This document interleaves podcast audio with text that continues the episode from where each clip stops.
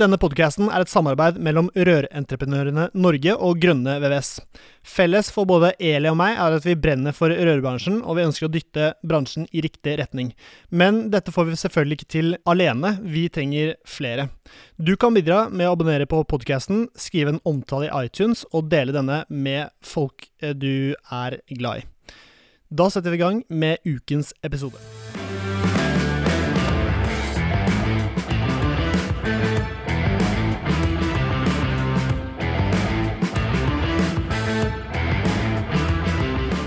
Hei, hei, og hjertelig velkommen til en ny episode av Bare røret med Eli Hermine Heidal Eide fra Rør-Norge og Severin Poppe fra Grønne VVS. Og i dag så er det en uh, episode vi har uh, foran oss, Eli. Vi skal snakke om asbest. Uff, det er et, uh, det er et veldig det er, det, er, ja, det er en skrekkhistorie, fordi du finner asbest overalt. Og rørleggerne kommer eh, borti det hele tiden, og vi vet ikke om det er asbest, er det vanlig isolasjon, det er gamle rør, men hva er egentlig dette greiene som, eh, som ligger rundt rørene?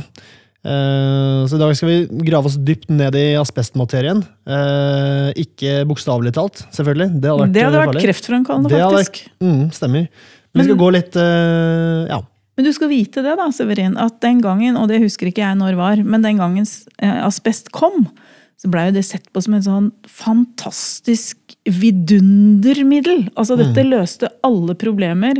Det var et fantastisk produkt som folk virkelig liksom Wow! Når var det asbesten kom? Med? Det får vi snart greie på når vi snakker med Tom, tenker jeg. Ja, For du må jo introdusere dagens gjest. Ja, jeg får gjøre det. Um, dagens gjest er uh, Tom fra Eriksen HMS. Uh, eh, og Tom er også ansvarlig for, uh, for Asbestforum. Uh, og Det er jeg også interessert i å høre litt mer om etter hvert, fordi det høres ut som det er et sted man kan uh, stikke inn og sjekke opp uh, enda mer om asbest, hvis vi ikke får, får ja, ut all informasjonen av Tom i dag. Jeg kan fortelle hvordan jeg kom over Tom, da, for det er ja. jeg som har denne hank inn foredragsholdere eller gjester i poden-jobben.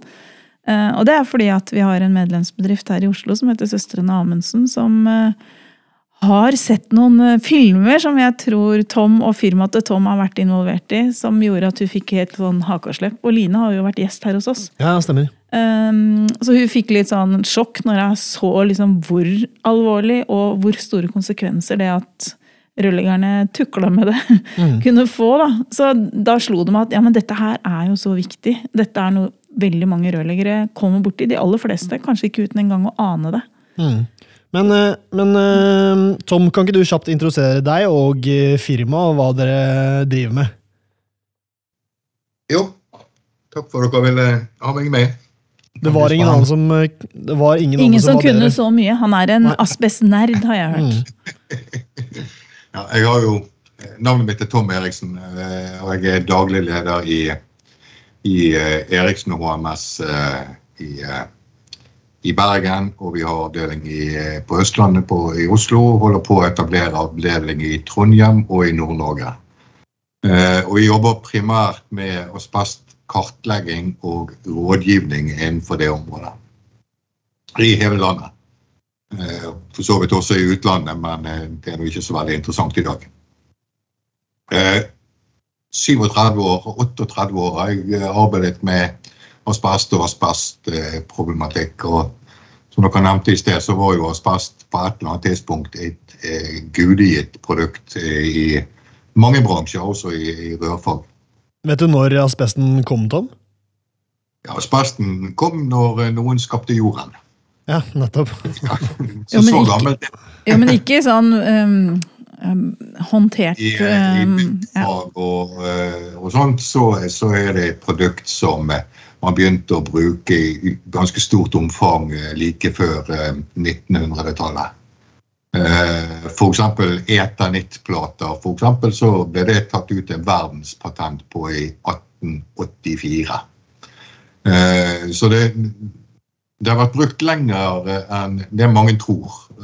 Veldig mange tror at det var liksom en sånn 60- og 70-talls forbruk av dette. Men det har nok vært brukt mye tidligere enn det. Uh, vi holder på med et prosjekt i, i, Bergen akkurat nå. Bygget der er bygget i 1933. og Der er det fryktelig store mengder med en type asbest som vi kaller blåasbest på rør, f.eks. Mm. Men nå er altså asbestens tid eh, over. Brukes det på noen som helst måte nå, eller? Det ble forbudt. Det ble forbudt, som du sier, i 1985. Når vi fikk en produktkontrollovverk som regulerte også omsetning av asbest. Men sannheten er jo det at det er jo per dags dato mer eller mindre bare Europa som har et totalforbud mot bruk av asbest i dag, og omsetning av det. Eh, reiser vi østover mot Asia og Russland osv., så, videre, så er det et fullt eh, omsettbart produkt i dag. Og de fleste vet vel at veldig mye av de produktene vi kjøper i dag, kommer gjerne fra Kina, Asia. Så vi ser spesielt båter og eh, altså skip og offshore, så, så, er det en del asbestprodukter som kommer inn uten at vi faktisk vet om det. De er, de er merket fra leverandører at de er asbestfri, men inneholder asbest fremdeles. F.eks. pakninger. Mm. Hva er det som Jeg husker da jeg var eh, lærling, så jobbet vi nede på Akershus festning eh, for Forsvarsbygg eh, der nede. Så var det en av de første ukene jeg var lærling. Stakk ned i en kjeller der med en, med en, rørlegger. Og så begynte vi å jobbe litt, begynte å skjære litt isolasjon. Og så sa han 'Å, fy faen, det er asbest'. Jeg tenkte 'Å, fy Det er asbest', ass. Altså, Men skjønte du hva det var? Nei, Jeg skjønte jo overhodet ingenting. Men jeg skjønte at det var et eller, annet, et eller annet skummelt. da. Hva er det som gjør asbesten så skummelt om? Bra spørsmål, Severin. Ja. Asbest er jo eh, også det er et silikatmineral. Det er, eh, det er støvet fra dette som kan være farlig. Veldig mange bruker ordet giftig, eh, men, men, det er også ikke et kjemikalie. Det er, det er et, et, fiber som, som, kan være skadelig. Og Får du dette inn i åndedrett spesielt, altså pust, eh, så kan det forårsake kreft. Mm. Altså, da tenker du inn i lunge, at det legger seg i lungene dine, for du klarer ikke å hoste det ut igjen, ikke sant? Nei, det gjør vi ikke. Altså, har det kommet inn, så vil, så vil de fleste fibrene bli i lungene dine og si for alltid. Eh, det er noen teorier om at de forsvinner etter 30-40-50 år. Eh, men man fyller jo gjerne på underveis underveis, så det vil aldri forsvinne. Men sånn som den isolasjonen da, som Severin kappa for en fem-seks år siden. da. Mm. Det er jo stor sjanse for at han har fått i seg en del asbestfiber da? Ja, det er en, en sannsynlighet. Altså, jeg, jeg, pleier å sammenligne for å prøve å få det ned på et, et nivå som ikke skremmer vannet av alle mm. lytterne. Så prøver jeg å, få det ned på et nivå som f.eks. det å tippe Lotto. Eh, der er noen som vinner første gangen man tipper. Eh, og så er det noen som vinner etter 90 ganger, og så er det noen sånn som meg som aldri vinner. Mm. Sånn? Eh, og det er litt eh, her òg. Det er litt sånn flaks-uflaks. om man er latent, om man røyker f.eks., så, så vil jo røykere spesielt har en meget høy risiko for lungekreft hvis man har en kombinasjon mellom asbest og røyk. Mm -hmm. Det er en veldig høy økning i, i risiko, faktisk. Og så er det andre kreftformer, f.eks. En, en kreftform som heter mesotelion mesoteliom, utenfor, uten å bli for nerdete her. Mm -hmm. så, så, er det en kreftform eh, som da heter mesoteliom, som er en lungehinnekreft. Og den har bare asbest som årsak. Og vi har ca. 100 slike tilfeller i dag hvert eneste år i Norge fortsatt, liksom. Og det kan jo være ting som folk har blitt utsatt for 30 år siden. Da. Ja, sant? Den såkalte latenstiden på, på eh, sykdommen er jo en normalt sett mellom 20 og 40 år etter eksponering. Mm. Men Tom, dere driver og fjerner isolasjonen. Er det det dere gjør i, i hovedsak? Eller? Ja, det, det, er da saneringsvirksomheter. Altså virksomheter som, som, uh, som har en uh, altså entreprenører f.eks., eh, som går ut og sanerer asbesten, som vi kaller det. Eh, vi gir råd om hvordan det skal gjøres. Vi kartlegger omfang. Vi risikovurderer funn. Altså, som du nevnte, dette med kjelleren på, på Akershus festning f.eks. Så er det sånn naturlig å ringe til oss med en sånn såkalt tredjepart. For å finne ut hvilken risiko du har vært eksponert for, og hvilke tiltak man må gjøre overfor deg i forhold til helsekontroller osv.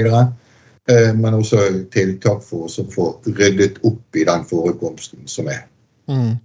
Men uh, supply demand er en morsom uh, greie. Og hvis dere driver og sanerer og fjerner alt, blir det mindre og mindre jobb til dere? Eller uh, er det fortsatt så mye asbest igjen at det er nok å ta tak i?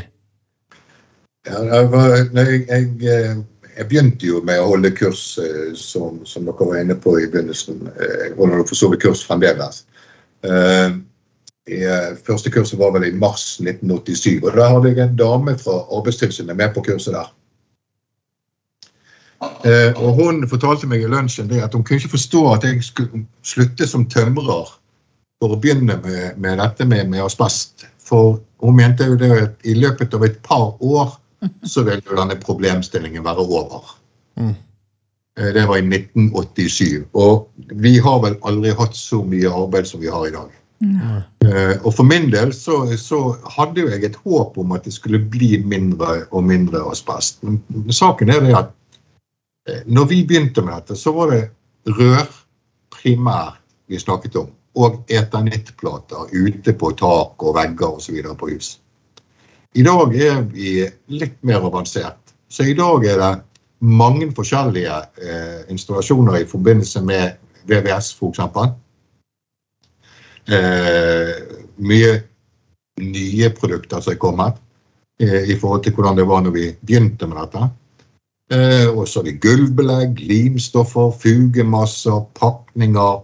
Altså, det er så ufattelig mye bruksområder. Tapeter. Det er alt mulig rart. Du finner asbest i alt? Ja, altså det er jo ingen god oversikt på, på, på det, men, eh, men en, en ca. 1000 forskjellige produkter i byggfag har inneholdt asbest. Oi. I en eller annen form. Helt ifra helt rene asbestprodukter til ned i en 4-5 tilsetning. Vi har ei plate på hytta vår som eh, en var litt uheldig å sparke borti, og så sprakk den, da. Men det ja. fant vi ut at det må være en asbestplate, for det var en sånn var ikke så tjukke plata, men den ble brukt som en sånn brannhemmende plate inn mot en vegg. da. Og det skjønte jeg at det var ganske vanlig. Jeg har stått i påsken i år, faktisk. For jeg har skjønt at det med asbest Det er litt rar lovgivning rundt det, syns jeg. For eh, hvis jeg skulle ha tømreren min til å fjerne eternittplater på veggene, da måtte den tømreren hatt noen spesielle kurs og en slags spesiell utdanning for å kunne utføre det. Men jeg som privatperson, jeg har lov til å plukke ned eternittplater på egen hånd og pakke det sammen og få sendt det til miljøstasjonen. Eller grave det ned, til og med fikk jeg høre at det var til og med lov. Ja, akkurat den siste er faktisk ikke lov. Vi har ikke lov å grave ned far, farlig avfall i dag. Ja, Det var bra, da, for jeg leverte på gjenvinningsstasjonen. Batterier som var hjemme, f.eks., har ikke lov å gi restavfall osv. Selv om mange gjør det. Mm. Uh, men, men, det er helt riktig som du sier. Uh, asbest er eh, et produkt som er regulert i dag i en forskrift som heter Forskrift om utførelse av arbeid. Mm. Og Den er gjerne hjemlet i arbeidsmiljøloven. Uh, og vi har ingen lovverk i dag. Vi har anbefalinger osv. Mye av det. Men vi har ingen lovverk som regulerer privat håndtering av asbest.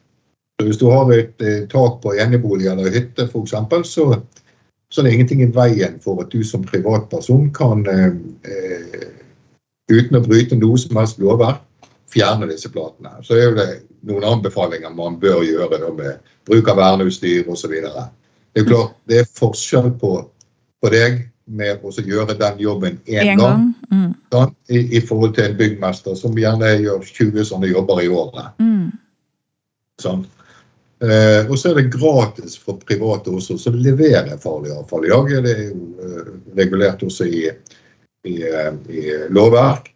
Sånn at du kan levere et eternittak fra hytten din gratis på deponi. Da slipper du å grave det ned på egen tomt. Ja. Det er en, eh, en spennende verden, og vi får veldig mange henvendelser fra folk, private, som gjerne har knust ned en peis full av asbest. Og så får de besøk en uke etterpå eller to dager etterpå av en som vet litt om asbest. Og så er det full krise, fordi at hele boligen er gjerne forurenset med, med, med, støv fra dette. Mm. Eh, og folk blir selvfølgelig da ekstra redd, for de har gjerne barn eller barnebarn som kryper rundt i denne boligen. Mm. Eh, og det, det, er trist. Det er fryktelig trist, og det har litt med, med kunnskap å gjøre. Mm. Uh, du var jo litt inne på det også i, i, sted i forhold til dette med at du ikke, Henrik, visste at det var asbest. Så visste ikke hva asbest var engang. Uh, og det er jo en, en sak som vi i dette Asbestforum har begynt å ta tak i. Rett og slett fordi at der er ingenting. Der er ikke et ord om asbest i opplæringsplanen i dag for rørfag. Eh, ikke for elektro heller, for den saks skyld, eller for tømrer. Ingenting er det i dag. Eh, og det er jo klart disse unge gutter og jentene som kommer ut i, i rørfag f.eks. som lærlinger, så er det gjerne de første jobbene man blir satt på, det er å avisolere, og rydde og rive. Eh, og det er jo faktisk de jobbene som er størst og høyest risiko med. Mm. Eh, og hvis ikke eh, lærlingen vet hva asbest er for noe, så har man ingen forutsetninger for å kunne stanse et slikt arbeid heller. Mm. Um, så Seven og rørleggeren står nå på Akershus og lurer på hva i alle dager skal gjøre med, med asbesten. For vi har ikke gjort det her før. Uh, hvordan ser den perfekte, eh, den perfekte utførelsen av dette Altså, hvor, hvem skal vi ringe? Og hvor lang tid tar det å få det sanert og, og full pakke? Hvordan Prøv å lage et uh, bilde på det, Tom. Ja, jeg, jeg kan jo prøve å bruke eh, et eksempel da, med, med, dette prosjektet som vi har i, i, uh, i Bergen. Uh, der er det altså dette med bygget fra 1933. Der er det store mengder med blåasbest i bygget. Rørleggere er på, på plass og, og, får mistanke til at det kan være asbest i, i, dette, i disse installasjonene. Før de begynte? Ja, de hadde vel gjort litt arbeid da. Men det var ikke mye. Det var ikke veldig mye arbeid de hadde gjort. Uh, og da er det en eldre kar som, som stiller spørsmål til dette og ber uh, kollegene sine om å stanse arbeidet. Så går dette videre til byggherre, selvfølgelig, som er Statsbygg i dette tilfellet. Og så blir Eriksen og HMS engasjert for å kartlegge omfang og eventuelt skadeomfang. Altså, det du river ned fra røret, det vil jo da forårsake en støvspredning. Eh, og da må man også avdekke hvor er den, og hvor stort omfang er det. Har det gått inn i naborom osv. Kan du se sånne asbeststøv? Nei, det kan du ikke. Det er usynlig? Eh, det er helt usynlig. Du, eh, ikke klør du, ikke blør, du neseblod. Altså, det er ingen reaksjon fra dette. Det Ikke lukter det. Ingenting. Så, og Konsekvensen da er jo at du får en stans i arbeidet, selvfølgelig. Eh, og alt dette som hvor stort dette er. Så, så får du et stans i arbeidet lenge. Eh, på dette prosjektet i Bergen så har stansen i dette arbeidet for rørfag vært på syv måneder. Oi! Men hvem har skylda? Eh, ja, det er jo også sånn diskusjonstema. Ja. Mm. Eh, altså det er jo klart at eh, AS Rør, hvis vi ja. lager et firmanavn, eh, har jo et, et, et, ansvar fordi at man er en profesjonell aktør og, og bør vite, som det heter. Eh, men det er jo byggherre som har ansvaret. Det er jo byggherre som eier eh, asbesten. Mm. Eh, og det er også et et lovverk i, i arbeidsmiljølov og, og, forskrift i dag som sier at alle bygg som er bygget før 1985, skal kartlegges for asbeststøvforurensning. Mm. Eh, nå er det ikke så fryktelig mange som har gjort det, da. Veldig få. Eh, ekstremt få, faktisk. Betyr, Eh, men, men innenfor kommunal sektor så er det en, eh, et såkalt postalt tilsyn som er sendt fra, fra Arbeidstilsynet, hvor de har forlangt at alle kommuner kartlegger byggene sine, har en opplæringsplan for sine ansatte og rutiner for hvordan de skal håndtere dette. Jeg veit at sånn som Avinor eksempel, har gått gjennom alle sine 54 lufthavner og kartlagt Ja. eh, faren for asbest. Rett og slett for å være forberedt. da. Ja, og det, det, det er faktisk et krav, og Telenor har gjort det, det samme. Der har jeg vært med på et svært prosjekt der med 3000 bygg. Eh, Bergen kommune har eh, gjennomført en meget god kartlegging av sine bygg. Eh, så det, det kommer seg, eh, men vi har et langt stykke å gå. Og det er klart, det, hvis jeg eier et bygg som er fra 1973, så sannsynligheten for at det er asbest i en eller annen form i det bygget, meget høy. Det er nesten sånn at du kan flagge det i utgangspunktet på at der er det asbest. Bør da, Eh, bør da en rørlegger gjøre byggherre oppmerksom på altså Skriftlig stille et spørsmål til byggherre på alle bygg før 1985. Er det gjort en, en risikovurdering i forhold til asbest her, før man går inn og gjør noe, hvis man har fått en jobb, eller skal inn og gjøre en jobb? Ja, altså, min påstand vil jo være at det er idiotisk å ikke gjøre det. Mm. Uh, altså, jeg, jeg, jeg forstår jo altså, argumentasjonen for at man ikke tar et forbehold om asbest i et prosjekt, f.eks. Det er jo ofte det at da får vi ikke jobben pga. at vi har tatt forbehold om dette. Mm. Eh, men, men så jeg sier til, til, eh, til eh, mine kunder i hvert fall at kanskje en sja eh, altså det at når du starter et, et prosjekt Sikker har- jobbanalyse. ja, en sikker jobbanalyse. At du har da spørsmål om er bygget før, bygget før 1985. Er det kartlagt for asbest? Og har du de to spørsmålene der, så, så vil du i hvert fall synliggjøre overfor deg sjøl og byggherre og dine ansatte at her er det en risiko. Eh, Og svarer du da at det er før 85 og at det ikke er kartlagt for asbest, så må det kartlegges. For du skal faktisk gjøre et arbeid, og da er det et krav. Og det er eh, byggherre sitt ansvar. Mm. det, Men det er han som i henhold til byggherreforskriften er ansvarlig for helse, miljø og sikkerhet.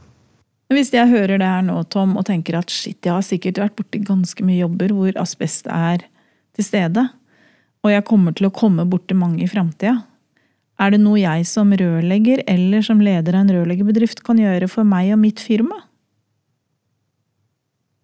Ja, altså, opplæring er jo nøkkel. Eh, det å gi folk eh, den nødvendige kunnskapen som gjør at eh, du og kollegaene dine har muligheten til å kunne stille de kritiske spørsmålene som er nødvendig. Mm. Altså Når Henrik står i en, eh, en kjeller på, på Akershus festning og fjerner rørinstallasjonen, så kunne det være greit om han visste at Rockwool, Glava, Kork, eh, Isopor og det der brune ullstoffet som jeg aldri husker navnet på.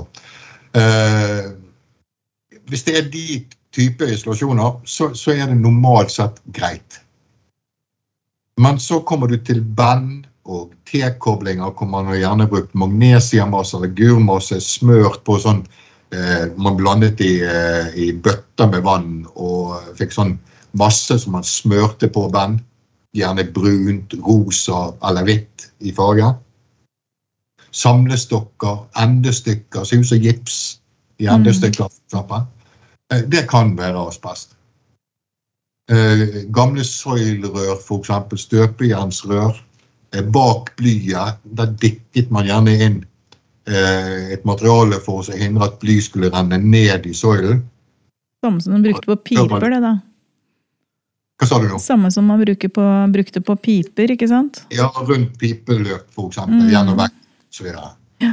Så det er ekstremt store mengder. og det å, altså Arbeidsmiljøloven stiller for så vidt krav om at, at eh, arbeidsgiver skal gi jeg skal ikke ak- akkurat ordlyden, men eh, men skal gi sine ansatte tilstrekkelig opplæring, instruksjon og øvelse i alt som kan medføre helserisiko på arbeidsplass. Hva er tilstrekkelig når det gjelder asbest? da? Er det noen sånn bransjestandard, eller noe som er på en måte eh, sagt at eh, nå har du fått god nok opplæring, liksom?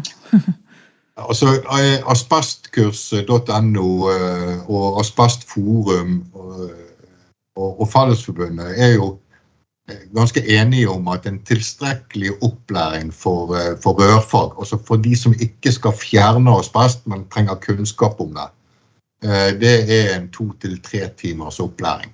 Ja. Det kan være et nettkurs òg, eller? Det kan være nettbasert, ja. ja. Mm. ja. Uh, og det, det, fungerer veldig bra. Vi ser jo at det er noen som blir litt sånn likbleik når de sitter der og får se bilder av alt det de har fjernet opp gjennom årene. Sant? Men uh, det er nå for så vidt for seint å gjøre med, noe med det vi har gjort. Men det å få kunnskap om å begrense eventuelt eksponering videre, det kan jo være litt greit. Mm. Blir du redd, Severin? Nei, jeg blir overhodet ikke redd, faktisk. Men uh, nå snuser jeg, røyker og full pakke, så det skulle bare mangle om det kom litt, uh, litt asbest. Nei, jeg gjør ikke det. Men, um, um, men hvordan, tilbake til det, hvordan den prosessen ser ut. For det er jo mange som hører på, som uh, som f.eks. jobber i en bygård, da, en gammel bygård der det, de kommer, kommer borti noe. og da, da, ringer de inn til uh, dere, og så sender dere noen ut som kan uh, ta en uh, titt på det. Ja, da, da sender vi si, kvalifisert personell ut for å ta fysiske prøver. og snakke med, med både byggherrer og utførende på hva som er gjort.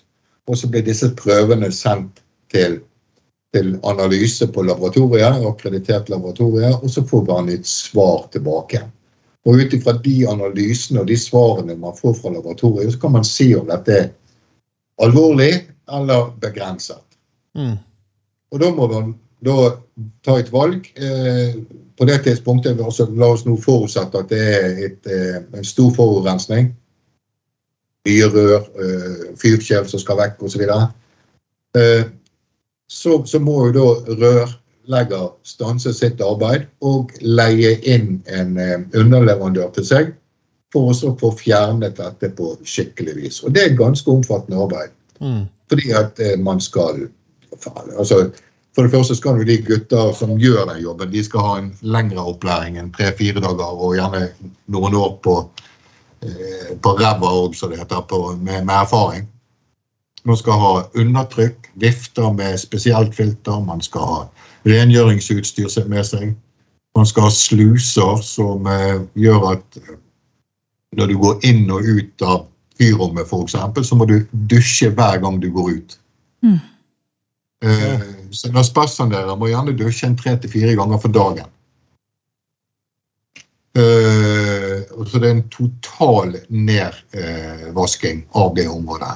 Mm. Og så, når den jobben da er ferdig eh, i dette rommet på Akers hus eh, festning, f.eks., mm. sånn, eh, så, så skal det tas luftprøver for å kvalitetssikre at det rommet er trygt å være for, og da kan rørlegger gå inn og gjøre sitt arbeid, monteringsarbeid. For da er jo gjerne alt revet.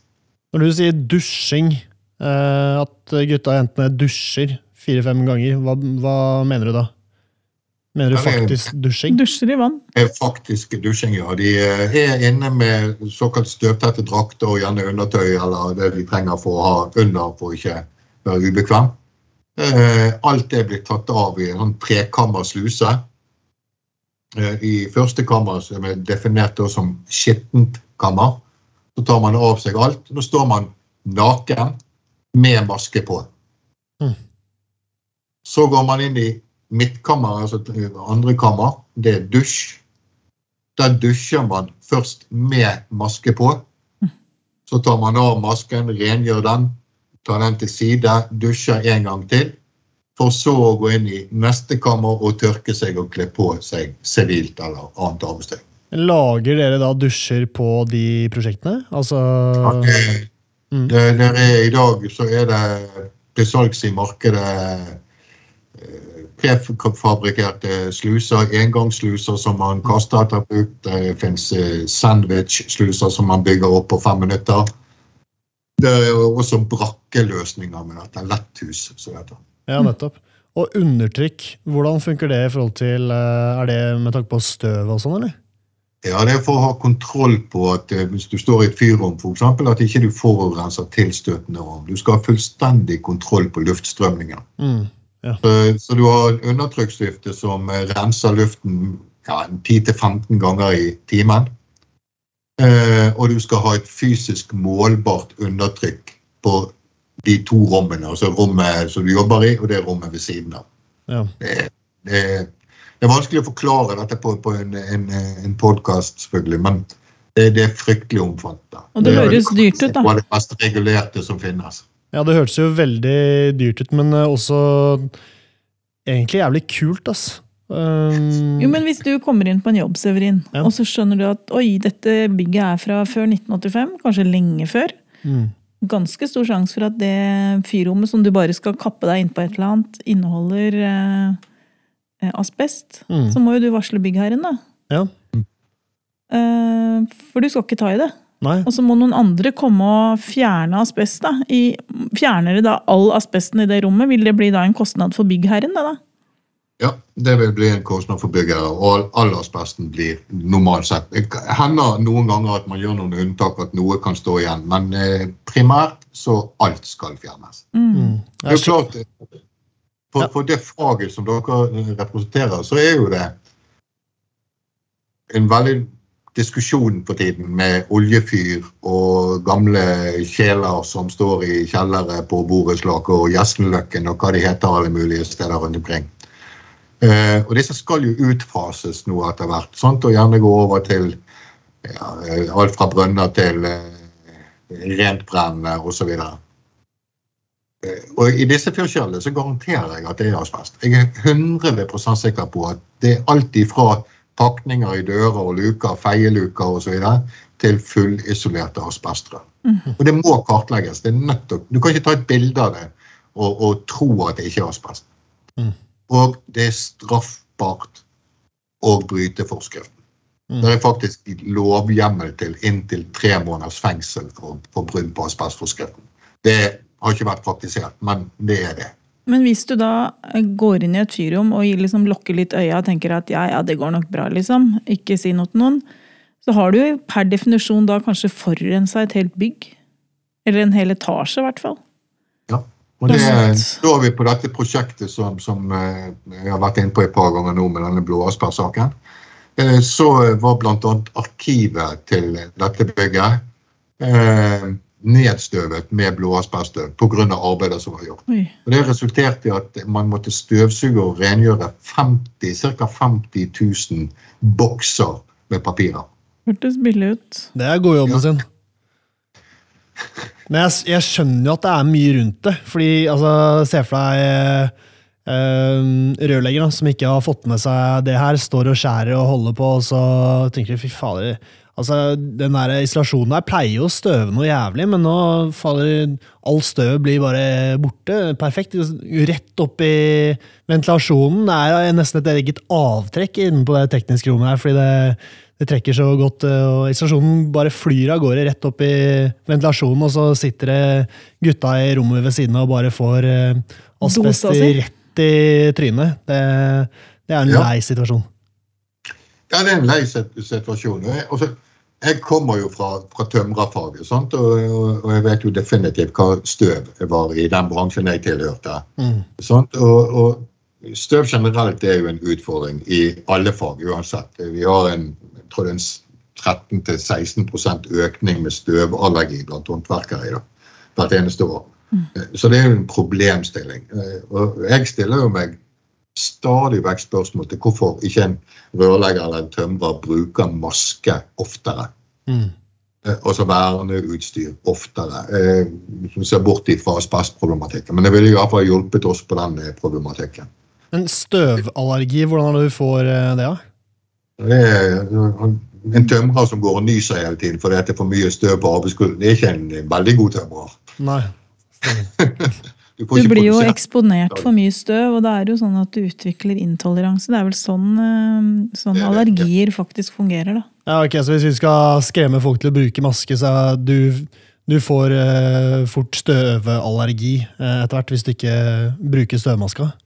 Jeg har en det er snekker som eh, jeg har en snekker som jeg tenker at å fy søren, han bruker maske veldig mye. Han, altså han bruker maske nesten hele tida.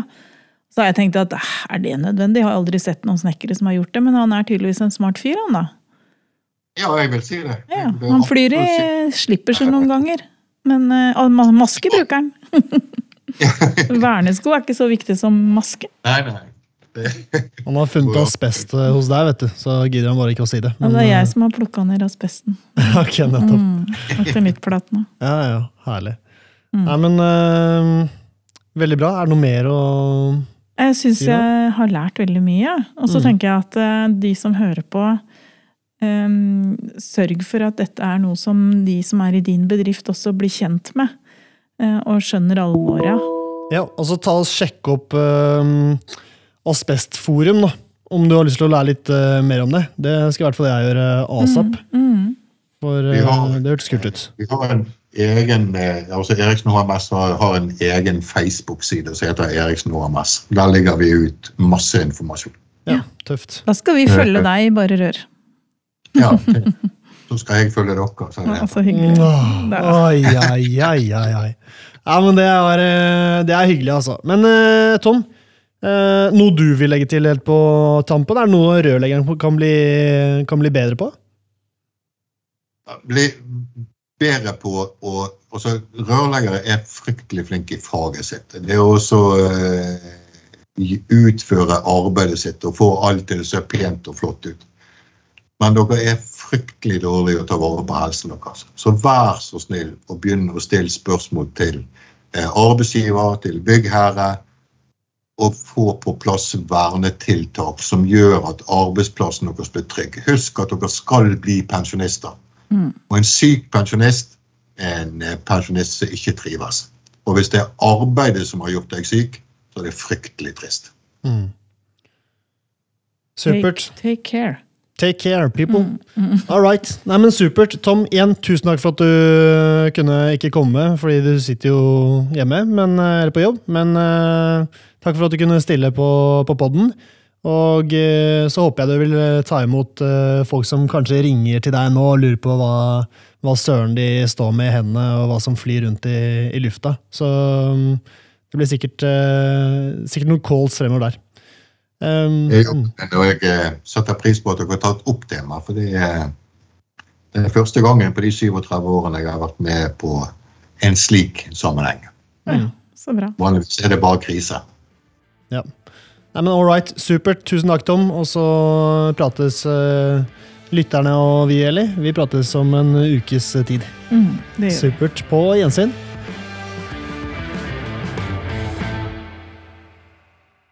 Halla, hvis du likte denne podcasten, hadde vi satt utrolig stor pris på om du abonnerte og gir oss en tilbakemelding i avspilleren. Eh, spre gjerne ordet videre til andre i rørbransjen som brenner for rørleggerfaget og er opptatt av å drive en seriøs rørleggerbedrift. Mitt navn er Severin Poppe Midteide, og med meg har jeg co-host Eli Hermine Heidal Eide. Sammen er vi to podkasten Bare Rør med Eli og Poppe. Et samarbeid mellom Grønne VVS og Rørentreprenørene Norge.